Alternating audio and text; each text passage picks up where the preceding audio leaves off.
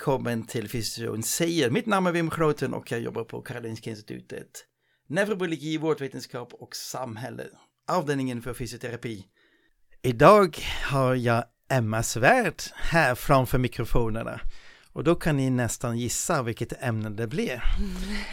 Eller hur? ja. Välkommen till Fysioterapi Emma! Tack så mycket Wim, tack! Vilket ämne blir det då? Det blir hållbar utveckling med fokus på miljö och klimat. Oj, oj, oj. Aha. Vi har inte haft det, vi har haft nästan 60 avsnitt och inte pratat hållbar utveckling mm. någon gång. Då Så är nu dags. är det dags va?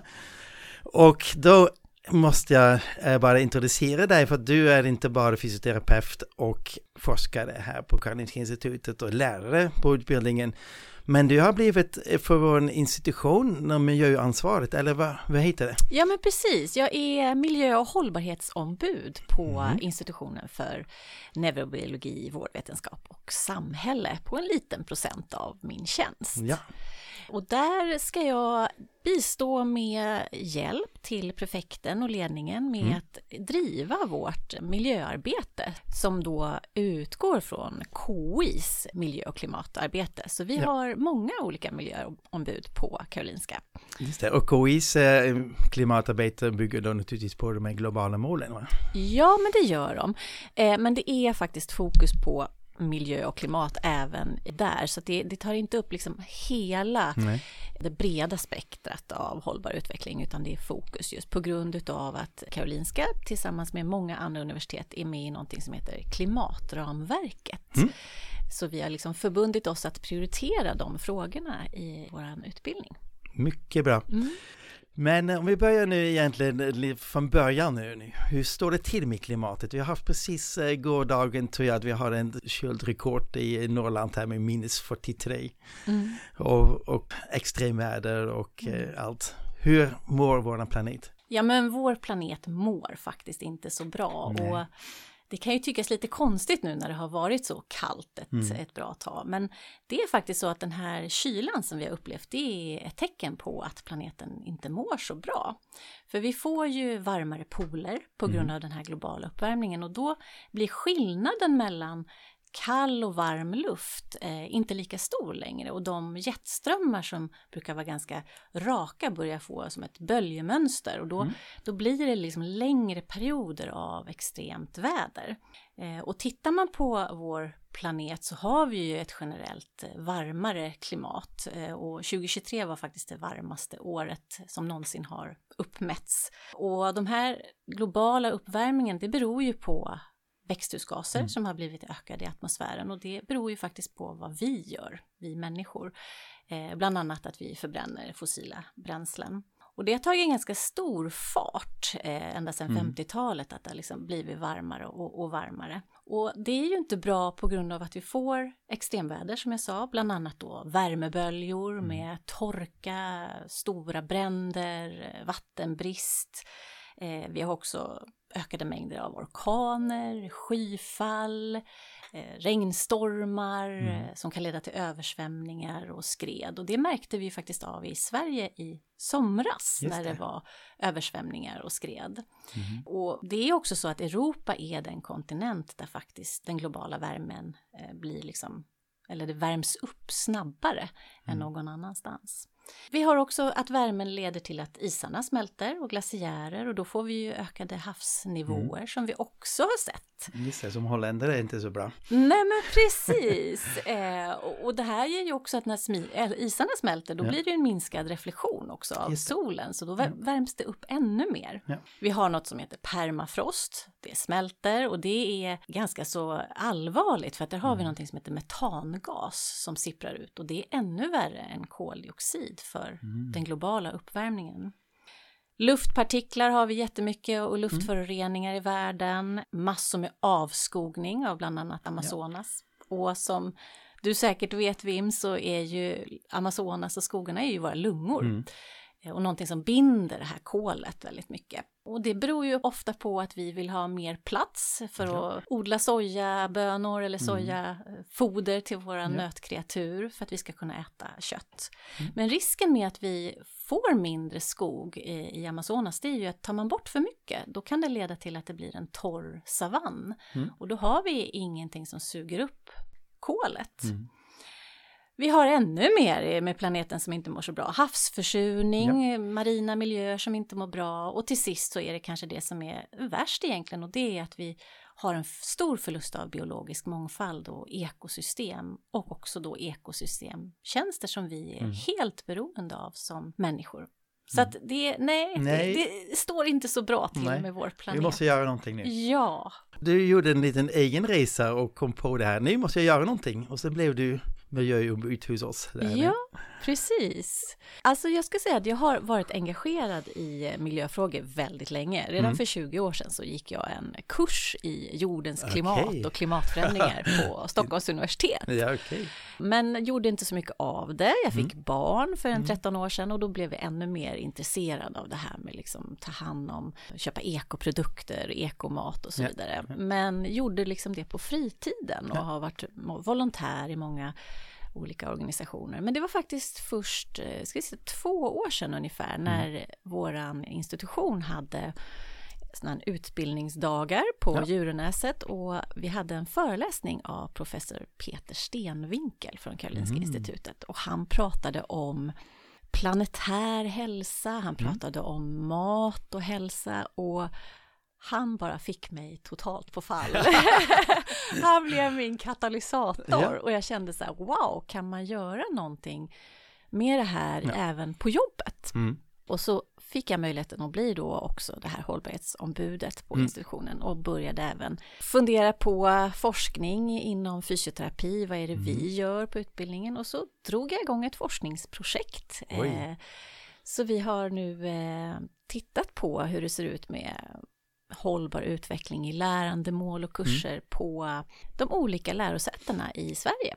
Oj. Och intervjuat ja. lärare eh, om både hållbar utveckling om och hur det är att undervisa om hållbar utveckling. Just det. Men så du är mitt i själva datainsamlingen? Eh, datainsamlingen är klar, Oj. så just nu håller vi på att analysera och skriver eh, och hoppas på att Kan du eh, avslöja lite resultat? Ja, men lite resultat är väl att vi har ganska generellt få mål, mm. lärandemål om hållbar utveckling eh, inom fysioterapeutprogrammen. Vissa lärosäten har fler mm. Mål än andra, eh, några har inga alls. Mm. Eh, och vi håller oss ganska mycket inom liksom vissa områden, ganska mycket faktakunskap mm. och kognitivt mer ja. än kanske jobba med värderingar och, och mm.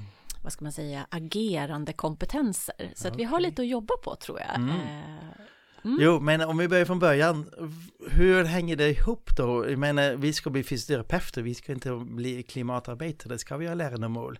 Mm klimatet eller hur hänger det ihop med ja. klimat och hälsa? Ja men bra fråga. Ja men det hänger ihop väldigt, väldigt mycket. Mm. Eh, man brukar faktiskt säga att klimatförändringar är största hotet mot eh, folkhälsan under det här århundradet. Mm. Ja, lyssna ordentligt här nu alla. Ja, precis. Och det har ju egentligen att göra med att alla de här extremvädren som kommer mm. medför ju olika problem för människans hälsa. Om vi tar den här extremvärmen till exempel ja. så kan den medföra något som kallas för värmerelaterade sjukdomar. Det kan vara allt ifrån stroke till mm. hjärt-kärlsjukdomar. Och det är många äldre mm. eh, barn som är extra sårbara för det här. Och man har sett att just dödsfall relaterat till extremvärme mm. hos människor över 65 ja. har ökat jag tror att det är 85 procent sedan 1990-talet. Vi har också såklart infektionssjukdomar som mm. kommer mm. mycket med, om man tänker sig flodöversvämningar ja, ja. och det har vi haft även i, i Sverige. Mm. Det vill säga att olika bakterier och virus mm. kan komma till ytan och drabba människor. Mm. Vi har såklart lungsjukdomar på grund av alla luftföroreningar, ja. ökade allergisäsonger, vektorburna sjukdomar som i Sverige skulle kunna vara då eh, fästingar ja. och TBE. Mm. Mentala sjukdomar, eh, eller mm. mentala, mental ohälsa kanske jag ska ja. säga mer, på grund utav att i vissa länder då där man drabbas av de här extremväderfenomenen så, så kommer ju mycket skador, oro, mm. man vet inte hur man ska klara av det. Så det är en stor mängd olika sjukdomar och ohälsa som, mm. som de här klimatförändringarna och inte bara klimatförändringar ska jag säga bidrar till utan mm. även den biologiska mångfalden, den minskade förlusten av den ja. bidrar ju till att vi förlorar vissa ekosystem och, och får vad ska man säga, matkedjorna att förändras. Ja. Så det är ju många som också får problem att egentligen få i sig näring och, och, och bra mat runt om i världen. Och vissa länder drabbas ju mer än mm. andra. Sverige drabbas kanske väldigt mycket mindre än om man skulle ta Bangladesh till exempel ja, ja. som ligger väldigt nära havsytan. Men det börjar ju även komma till Sverige och vi har, eh, Folkhälsomyndigheten gjorde en mm, risk och sårbarhetsanalys mm. för ett, två, tror jag, år sedan. Mm. Där man liksom har gjort scenarion och, och, och risker för hur, hur, stor risk är det att vi kommer att drabbas av olika konsekvenser av klimatförändringar mm. när det gäller hälsa i Sverige. Ja. Och där har vi ganska höga siffror när det gäller just värmerelaterade eh, mm. extremvädersituationer. Så det, det påverkar oss på det sättet. Men det påverkar också hälso och sjukvården genom att när människor nu får de här problemen, då blir det en ganska stor press på sjukvården också. Ja. Och vi måste ju kunna möta alla de ohälsoproblem som dyker upp i sjukvården och kunna anpassa mm. oss. Så det, det, det har ganska stor betydelse. Mm. Plus att hälso och sjukvården i sig är en stor eh, utsläppare av växthusgaser. Ja, just det. Och det, det är en sån här som man kanske inte tänker på Nej, riktigt. Men tittar men vi... alla engångsprodukter, alltihopa ja, inplastat. Ungefär 4,5 till 5 procent släpper vi ut. Och där har vi ju väldigt mycket att göra. Och fysioterapeuter är ju kanske den yrkesgrupp som ändå släpper ut minst, mm. för vi har ganska om man kan säga ordet koldioxidsnåla eh, behandlingsformer ja, ja. Och, och, skulle ju kunna vara eh, kanske mer en kolsänka ja. inom hälso och sjukvården. Mm. Men det finns mycket att jobba på i våran profession också. Vi mm. kanske kommer till det. Vi börjar med den där som sjukvården då som utsläppare. Vad kan vara en lösning? Jag, själv tänker jag på e-hälsa. Att man, eh, alla transporter minskar, eller hur mm. tänker jag? Ja men absolut, vi kan börja den, man kan säga att man har föreslagit fyra olika mm. delar okay. för att eh, få till en hållbar hälso och sjukvård. Okay. Fyra delar, den första är prevention, det vill säga att man ska jobba med människors hälsa och hälsofrämjande åtgärder. Mm. Det andra är egenvård, att stärka människors liksom, kapacitet att ta hand om sig själv. Ja. Sen har vi effektiv vård, det vill säga att rätt person ska få ja. rätt behandling. Så att det inte blir till exempel en massa olika röntgenundersökningar fast ja, det inte ja. behövs. Nej. Och sen har vi att då eh, en behandling ska vara koldioxidsnål mm. så mycket som det bara går. Och då nämner ju du telemedicin eller e-hälsa och det är ju en slags lösning som föreslås i, må i många riktlinjer mm. som någonting som kan vara väldigt bra att ersätta med. Eh, och det finns ju fler aspekter än bara miljöaspekten ja. där. Men om vi kikar på det så är det ju som du säger, man minskar transporten. Eh, och det är väl det man har sett i studier att E-hälsa minskar transporten mm. och då har man haft lite olika sätt att räkna på just det. Men, men det verkar ändå som att har du ganska långt till sjukhuset, ja. brukar åka bil, så kan det vara en lösning. Men jag grävde lite djupare i det där mm, inför okay. en kurs ja. jag skulle föreläsa okay. på. Ja. Och som med alla problem med hållbar utveckling, man brukar säga att hållbar utveckling har något som kallas för wicked problems. Agerar du på ett mål som kan mm. göra någonting positivt, i det här fallet att transport kan mm. minska och vi skulle då kunna förbättra målet kring klimatförändringar, ja. så finns alltid risken att man gör någonting negativt ja, för el. ett annat mål. Nej, om vi tänker oss att eh, e-hälsa är bra för klimatförändringar, ja vi minskar transporten. Det mm. också kan förbättra mål nummer tre, god hälsa och välbefinnande yes. för alla för att fler människor kan få eh, vård. Mm. Vi kan också få en förbättrad eh, jämlikhet ja. över till exempel landet, att få tillgång till, till vård. Det är ju positiva mm. saker. Men ser man lite på baksidan så kräver ju e-hälsa-apparatur, eh, det ja. vill säga datorer i vissa mm. fall, mobiltelefoner och så vidare. Och vill man nu dra det här mm. ett steg längre så kan man ju fundera på när de här telefonerna och eh, datorerna ska kastas, när ja. vi har använt dem, så blir ju det avfall. Ja. Och dessvärre är det ju så att man kan tro att all avfall liksom hanteras oh, på ett bra sätt, Nej. men det är ganska stor del som faktiskt skeppas iväg till Afrika ja, eller ja. Asien och blir så, man kallar det för e-waste, ja. alltså e-avfall, som är en inkomstkälla för de här länderna mm. och tas då inte alltid hand om på korrekt sätt, Nej. utan mm, de här människorna i de länderna, de utsätts för ganska stora risker ja. av sin hälsa genom mm. de ämnen, bland annat bly, som mm. de utsätts för och som också åker ut i deras vattendrag, kommer in i deras kost och så vidare. Ja. Så ser man på baksidan där så påverkar ju e-hälsa potentiellt negativt andra människors i andra länders hälsa negativt. Ja. Och det är ju någonting som man behöver fundera på att då samtidigt som man försöker lyfta e-hälsan ja. som ju är någonting bra och telemedicin så måste man också ta i biten kring mm. avfall mm, eller absolut. vad ska man säga gruvarbetet för att ja, få fram de här ämnena som också finns väldigt mycket olagligt i mm, Afrika. Så visst. det är väldigt mycket positivt och negativt och, och ibland är det lätt att man bli lite blind på bara det positiva, men jag tror att vi behöver ha ett ansvar i mm. att om man arbetar med telemedicin och e-hälsa och, och försöker driva mm. det framåt så behöver man också driva frågan om de negativa följderna. Ja. Och, och, det tycker jag alla har ett ansvar mm. i att lyfta den frågan. Så att ja. Mm, mycket intressant. Jo, men nu har vi hamnat direkt i åtgärder och, och saker, men vi kanske måste definiera lite saker först. Eh, du nämnde ordet planetar hälsa. Mm. Eh, vad, är det för något egentligen? Ja, men vad bra. Eh, jag tänker vi får börja nästan i hållbar utveckling. Ja. Eh, och hållbar utveckling är ju någon, ett stort begrepp eh, som egentligen myntades 87 redan Oj, i Brundtland-rapporten ja. som handlar om, jag ska ta definitionen ja, här, en, en, utveckling som tillfredsställer dagens behov utan att äventyra kommande generationers möjlighet att tillfredsställa sina behov. Mm. Och 2015 så kom ju Agenda 2030 och de ja. globala målen som egentligen är den mest ambitiösa agendan som världsledare har mm. samsats om och skrivit under till att vi ska försöka med de här globala målen och, och utrota fattigdom, vi ska stoppa klimatförändringar, skapa trygga och fredliga samhällen. Mm. Och man kan dela upp hållbar utveckling då i tre dimensioner. Att det finns en social hållbarhetsdimension, mm. det finns en ekonomisk och en miljömässig. Man brukar säga eh, people, planet och profit. Ah, okay.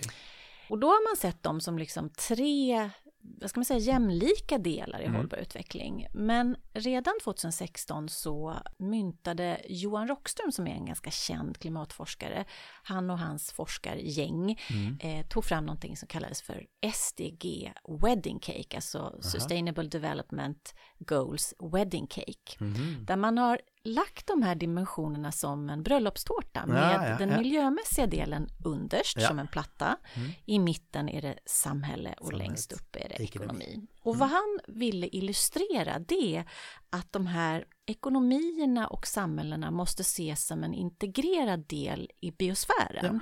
Att har vi ingen välmående planet så kommer vi inte kunna ha samhällen Nej. och ekonomier överhuvudtaget. Mm. Det vill säga man kan säga att man vill ha en hållbar utveckling inom de planetära gränserna. Ja. Och utifrån det så har man tittat på vad, vad, vi egentligen behöver planeten, vad ska vi hålla oss inom för gränser ja, för att, vad den klarar av att tål. Mm. 2000, nu ska vi se, vad kan det ha varit, 15 tror jag det var, så kom det här begreppet planetär hälsa. Mm. Och, och, det kan man ju fråga då, vad är planetär hälsa? Och det handlar mycket om att man kan tänka att vi har individhälsa, ja. Som är liksom det vi brukar jobba med. Vi har. Eh, vad kallar vi det, population eller ja, folkhälsa, det. det. är liksom hela vår mm. hälsa. Vi har global hälsa, som är då att vi tittar på hela världens hälsa. Det finns också någonting som heter One Health. Okay. Och det har att göra med att man tittar på både människors, djurs och miljöns hälsa, ja, ja. det vill säga zoonotiska sjukdomar och veterinärmedicin. och sen har vi då det som kallas för planetär hälsa. Och planetärs hälsa, det handlar om människors hälsa mm. och de natursystem som mm. vi är beroende av. Det. det vill säga vi pratar inte så mycket då om, om djurs hälsa inom planetär hälsa, utan det är mm. just mycket människor och de här systemen som vi ja. är beroende av. Och, och, då fokuserar man mycket på klimatförändringar, luftföroreningar, ja. biologisk mångfald, eh, havsförsurning och så ja. vidare. Och det är ett tvärdisciplinärt område där man försöker vara lösningsorienterad på mm. hur, ska vi, hur ska vi jobba med att ha både hälsa hos oss människor ja. och på planeten. Mm. Fint! Ja. Ja, men det här var bra. Ja, då fick vi en definition på vad det är för någonting. Och det är ju någonting också som, som kanske inte har varit eh, traditionellt ett, ett ämne inom varken fysioterapi eller andra Nej professioner. Mm. Eh, men det kommer mer och mer och har kanske inte kommit jättestort inom Sverige när det gäller till exempel fysioterapi eller omvårdnad och arbetsterapi. Men i vissa andra länder har det blivit väldigt stort. Mm. Och det är här jag vill att vi behöver börja jobba ja. med planetär hälsa inom vår profession. Mm. Precis. Hur ligger Sverige i förhållande till resten av världen vad gäller fysioterapi? Mm. Ehm, just nu ligger Sverige lite efter i klimatutvecklingen kan man säga. Ja men precis, alltså vi har ju ett land ganska nära oss, England, mm. som har kommit ganska långt överlag när det gäller det här med hållbar hälso och sjukvård. Mm. Och de har ju också en klimatlag som har drivit ah, på det här ganska okay. mycket. Så de skulle jag säga är ett föregångsland mm. när det gäller att jobba med de här fyra olika delarna ja, ja. jag pratade om, prevention och koldioxidsnålt. Ja. Och där är ju inte Sverige riktigt ännu. Mm. När det gäller fysioterapi så, så är vi kanske inte sämre än någon annan Nej. just i okay. det här området. Men det är ganska nyligen som World Physiotherapy har ja. tagit fram ett policy statement om klimat och hälsa. Jag tror att det är ett år sedan som Oj, det kom bara. Ja. Vi ska inte känna att vi liksom eh, inte har gjort någonting alls, men det, det, har hänt ganska mycket de senaste åren mm. när det gäller liksom hur hur vi ska jobba med det här inom hälso och sjukvården och det tar ju tid innan det också landar. Just det. Och glädjande nog så kom faktiskt häromdagen ett väldigt viktigt uttalande från mm. Statens medicinsk-etiska råd där de har ett uttalande med anledning av klimatkrisen och där de beskriver helt enkelt klimatomställningen som eh, en stark etisk fråga för hälso och sjukvården utifrån att göra gott och inte mm. skada.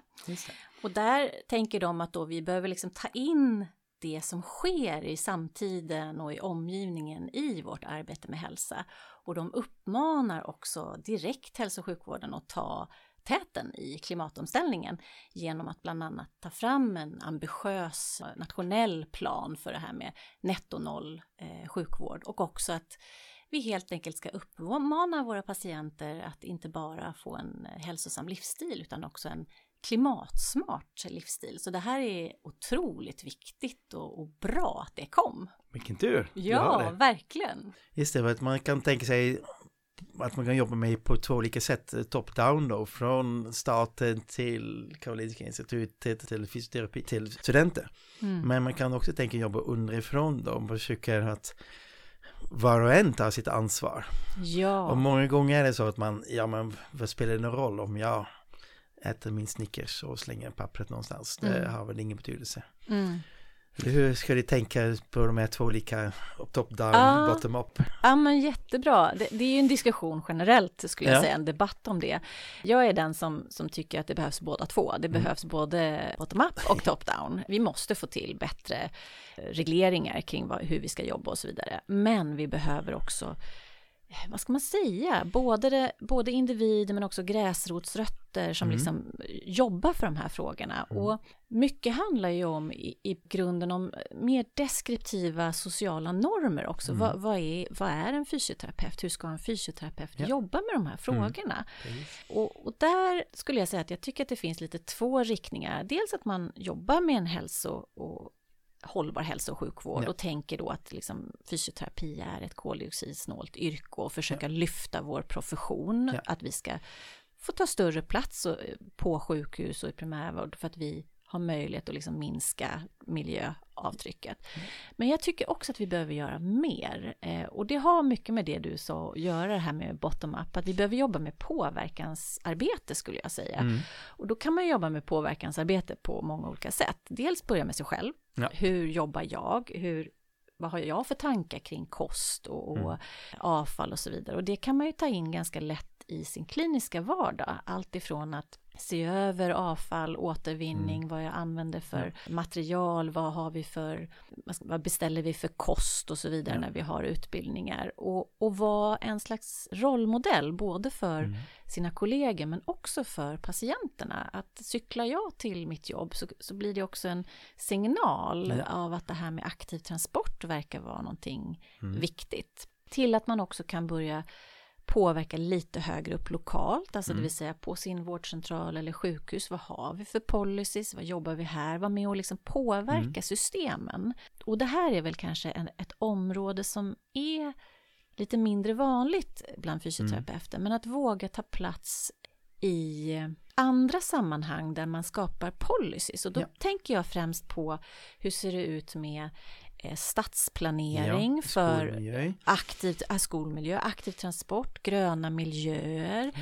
våga liksom ta plats och, och debattera i de här sammanhangen där, där, där vi liksom ska jobba med arkitekter tillsammans ja. med eh, någon annan. Ja. Vara med i poddar, eh, skriva debattartiklar, eh, sociala medier, sprida mm. budskapet så att man förstår det här med hälsa och klimat. Mm. Och det här är ganska spännande för det, det börjar också ske inom forskningen. Där har vi mm.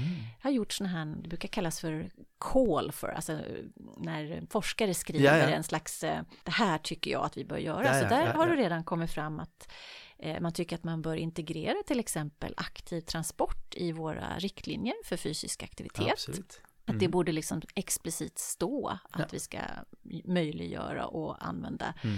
Eh, cykling och gång mer och mer. Så vi har ganska mycket att göra, men också att till exempel tänka hur kan jag jobba med de här frågorna med eh, patienten? Och här gäller det ju att tänka kring kommunikationen, kring det här med eh, hälsokonsekvenserna av ett förändrat klimat och, mm. och vad faktiskt en patient själv kan göra med sina livsstilsval för sin individuella hälsa men också planetens hälsa. Eh, har man till exempel problem med andningen eller allergi eller astma då, då är det ändå ganska logiskt att en fysioterapeut kan prata med patienten om hur extremvärme leder till ökade luftpartiklar, mm. mer pollen, längre pollensäsonger och då kan ju en lösning vara från en patient att man faktiskt tar till aktiv transport och på ja. så sätt minskar koldioxid i atmosfären och på så sätt kan minska risken för extremvädersituationer. Men vi har också möjlighet att ta in de här samtalen med patienten i uppdrag som vi redan har mm. inom mm. sjukvården.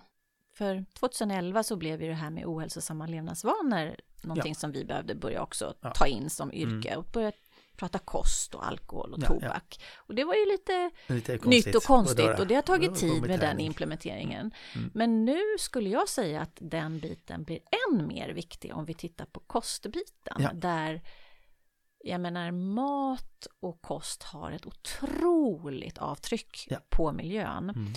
Och där är jag så glad över att de nya nordiska näringsrekommendationerna som kom här mm. i juni har ju för mm. första gången tagit ett hållbarhetsperspektiv på de här rekommendationerna. Ja, och går, Inte bara tallriksmodellen. Nej, utan nu eh, så vill man ju att alla människor ska äta i huvudsak växtbaserat. Ja. Och det ligger väldigt i linje med det som kallas för Planetary Health ja, Diet. Eh, och då blir det ju ännu mer viktigt att vi ja. fysioterapeuter också kan jobba med kostbiten.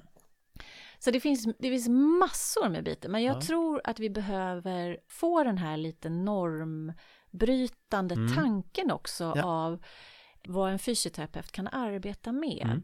Jag tänkte rent konkret, ska vi fasa ut bassängträning? Ohälsosamt att mm eh, hälla i klor och eh, värma upp eh, vatten till 38 ja, grader. Ja, nej men det kan man ju tro att man ska ja. göra, men nej, men jag tänker inte att man ska fasa ut det. Mm. Men man behöver skapa en medvetenhet om vad en till exempel bassängträning har för miljöavtryck ja. kontra någonting annat och vilka patienter behöver vara ja, i bassäng. För några kommer alltid behöva den typen ja. av... Vi ska, man ska alltid tänka också att våra, våra val när det gäller koldioxidsnåla behandlingar mm. får inte tumma på hälsan. Nej. Alltså det vill säga, är det någon som behöver en bassäng så ska den absolut ha bassängträning. Ja. Men jag kan tänka mig eh, mm. att det finns vissa sådana här ja, men, rutiner. Man, man, man ger en viss typ av ja, patienter alltid den, tänkt. utan att man tänker riktigt ja, på det. Så det är mer att medvetandegöra och ta aktiva, bra val och mm. också mm. Diskutera de frågorna faktiskt med patienterna. Mm. Om man nu inte tycker att en patient ska vara i bassängen så kan man ju också vara tvungen att berätta för den patienten yeah. varför. Och då har man ju en möjlighet att redan där liksom diskutera med patienten att för din hälsas skull så tänker jag också utifrån planetens ja. hälsa. Och där kan det här med att träna i bassäng vara någonting som ger ett stort avtryck gentemot om vi gör ett program som du kan göra hemma ja. i din trädgård. Visst. Mm. Så det finns liksom möjligheter att, ja. få in de aspekterna. Mm. Sen läste jag att konstgräs, alla de här konstgräsmattor är en otrolig miljöbov. Ja. Jag vet inte, fysioterapeuterna är nog inte den som tar beslut över Nej. vilken sorts, men kanske borde vi. Ja, men det, det, där är faktiskt jättespännande. Det har ganska nyligen kommit ut eh, Hur mycket två artiklar helst. om just det här med vilka typer av, ja. av sport sporter och fysiska aktiviteter är bra ja. för miljön eller och vi inte. vill, eh, vet i Mariefred där jag bor har de satsat stort på mm. öppna konstgräs för att alla mm. kan idrotta på mm. kvällen och helt öppen till allmänheten. Mm. Man har lagt där två fotbollsplaner. Med små plastkulor mm. som åker iväg ja. in Nej, i grundvattnet. Mm. Nej men verkligen. Och det, det, är där, det är så bra att du säger, för då kanske vi bör ta plats ja. i alltså policyarbeten eller mm. eh, när det, och då kan man ju börja lokalt i sin egen och Mariefred. Mm. Alltså, hur ser det ut här? Vilka är det som bestämmer? Förmodligen politiker. Ja. Kan jag på något sätt påverka dem mm. eh, genom det jag vet? För det där är ju någonting som många inte tänker på överhuvudtaget. Eller om man tänker golf, hur ja. mycket vatten som går åt till gräsmattorna och eh, gödningsmedel för ja, att få för att ganska få ska människor ska få vara aktiva. Mm. Så det har faktiskt också även här presenterats förslag i litteraturen om att vi bör kalla det för Planetary Health Enhancing Physical Activity. Oj, oj, oj. Det vill säga. Vad kan vi göra för fysisk aktivitet som samtidigt är bra för planeten? Och då är aktiv transport jättestort, ja. mm. men också faktiskt eh, trädgårdsarbete mm. på olika nivåer, för då, då gynnar man ju den biologiska mångfalden. Just. Så det, det, har jag precis börjat med studenterna här i termin två. Eh, en kort föreläsning där vi diskuterar olika former av fysisk aktivitet och de hade fantastiska tankar ja. om vilka typer av aktiviteter som skulle kunna vara bra och inte bra och ja. såg för och nackdelar. Mm. Och, och jag tror att det är viktigt att ha den diskussionen av hur, hur kan vi främja en aktivitet mm. som är bra? Och, mm. och där tror jag också att vi har ett stort jobb att kanske börja se över hur, hur är det med utomhusrehabilitering? Mm. Vad kan vi göra? För att det finns forskning som börjar komma, inte liksom den här massiva mängden, men att mm. det också är gynnsamt att vara utomhus mm. för hälsan. Absolut. Inte bara psykiskt och mentalt, men att det kan mm. vara så att det finns vissa ämnen som finns ja. från till exempel träd som skulle kunna gynna bakterier i magen. Mm. Så hur, hur skulle vi kunna få fysioterapi att att också vara mera utomhus mm. i våra behandlingslokaler. Mm. De är ute. Så jag tror att vi, vi är i en, en spännande värld där mm. vi liksom behöver få formulera om kanske fysioterapins uppdrag mm. eh, utifrån att vi har en levande planet och då måste vi också ha en, en slags levande medvetande om mm. att förändras i tiden, skulle jag säga. Var det sånt här som ni pratade om på fysioterapidagarna i Göteborg? Eller, mm, jag har ja. hört om din föreläsning där. Ja, ja men jag, jag var med i två olika delar mm. tillsammans med eh, Annie Palstam, en kollega som hade inviterat mig till att vara med. Dels så bjöd vi på utbildningsexempel från olika lärosäten, Dalarna, Umeå och Karolinska institutet. Och då berättade jag om planetär hälsa och termin 1 mm då har jag en hel dag i termin 1 när ja. vi pratar om planetär hälsa. Så då visade jag själva eh, upplägget ja, och vilka ramverk och så vidare som mm. vi hade där. Men sen hade jag också en föreläsning om våra forskningsprojekt eh, och lite resultat därifrån. Mm. Men det var väldigt roligt. Vi, det var kul att se andra lärosäten som var där och lyssnade och blev väldigt inspirerade mm. av att liksom, hur kan vi komma igång? Och... Just det, kan ni bara kort berätta vad händer i ettan? Ja, men i ettan så har jag dem en dag, börja med att definiera hälsa. Vi måste börja där. Ja. Det är liksom ingången. Sen är det ganska lätt att komma från global hälsa och in i det här med klimatförändringar och planetär ja. hälsa. Och då jobbar jag med studenterna såklart med fakta, men jag försöker att jobba mycket upplevelsebaserat där. Jag visar mycket filmer som faktiskt är ganska jobbiga och kan skapa mm, ja, känslor. Ja, det visar de till personalmötet också. Ja, precis. de ser får... de här isbjörnarna och... Ja, nej men precis. Och då, de får prova på lite meditation för att liksom återknyta till sin egen naturplats. Och ja. sen när vi har jobbat med mycket reflektioner, man kan säga att det är en interaktiv dag, så avslutas dagen med att de får göra en kort presentation. Eh, och då har jag haft lite olika teman, men de får, det utgår från tänk om. Mm. Och då kan det vara tänk om fysioterapeuter arbetade med bla bla bla. Jaja. Och så ska det då knyta an till klimatförändringar. Väldigt kort för att få dem att börja få känslan redan i termin ett att de faktiskt har möjligheten att agera. Ja. Att hitta nya arenor och sätt. Eh, för jag vet jag är inte expert. Eh, jag är egentligen lika ny i det här som alla andra. Vi behöver liksom tillsammans skapa de här budskapen och sätten att arbeta med de här frågorna. Mm. För det, jag tror ingen fysioterapeut vet exakt, utan vi får göra det här ihop. Mm. Och då är det så roligt att få redan börja i termin ett för sen har vi då en plan för alla terminer vad de ska få mm. Eh, i det här området. Så jag hoppas, nu är vi på termin tre tror jag de ska börja i vår, de som hade det här i ettan okay. för ett år sedan. Så de har ju en annan medvetenhet skulle jag säga än de lite äldre kursarna, även om jag har försökt att föra in det mm. eh, lite så här pö om pö. Jag ser att klockan tickar ordentligt här nu. Är, är du, hur ser du på framtiden nu? Är du hoppfull?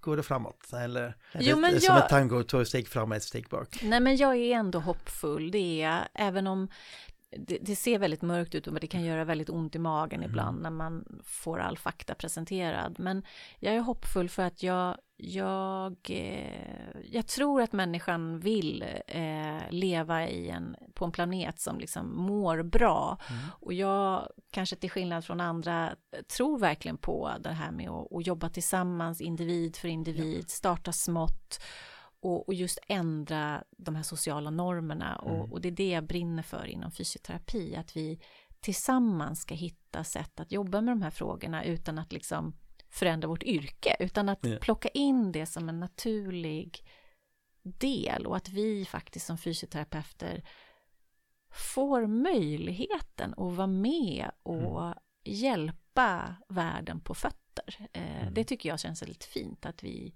som fysioterapeuter kan göra. Så att ja, jag är mm. hoppfull, men det krävs lite arbete. Det är fint. Är det något som du vill lägga till, dra ifrån? Oj, eh, jag kan prata en hel dag om jag det här. Jag förstår nästan det, men det var en jättefin avslutning där. Ja, mm. nej men jag, jag har nog, det, det finns många eh, citat som man skulle vilja liksom lyfta fram, men... men har du något? Ja, Ge det. Nej, men jag har ett citat som jag, ja, som jag faktiskt ska ta som kommer från en, en film som FN har gjort, mm. som jag tycker är, är jättebra. Nu ska vi se här. Och den, hand, den kom för ett år sedan. Den handlar om att vi faktiskt har gått i lite fel riktning när ja. det gäller det här med hållbar mm. utveckling. Vi går, det går inte fram så fort Nej, som vi... fossila bränslen fortfarande. Ja, och då säger de så här. Rethink conventions. Flip the orthodoxies. Governments, organizations, corporations, citizens of the world. Snap out of it. Nej, vad fint. Jag tycker den är jättebra. Så. Mm.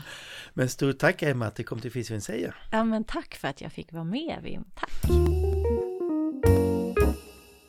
Du har lyssnat till podden Fysion säger, en podd som sänds från sektionen för fysioterapi på Karolinska Institutet.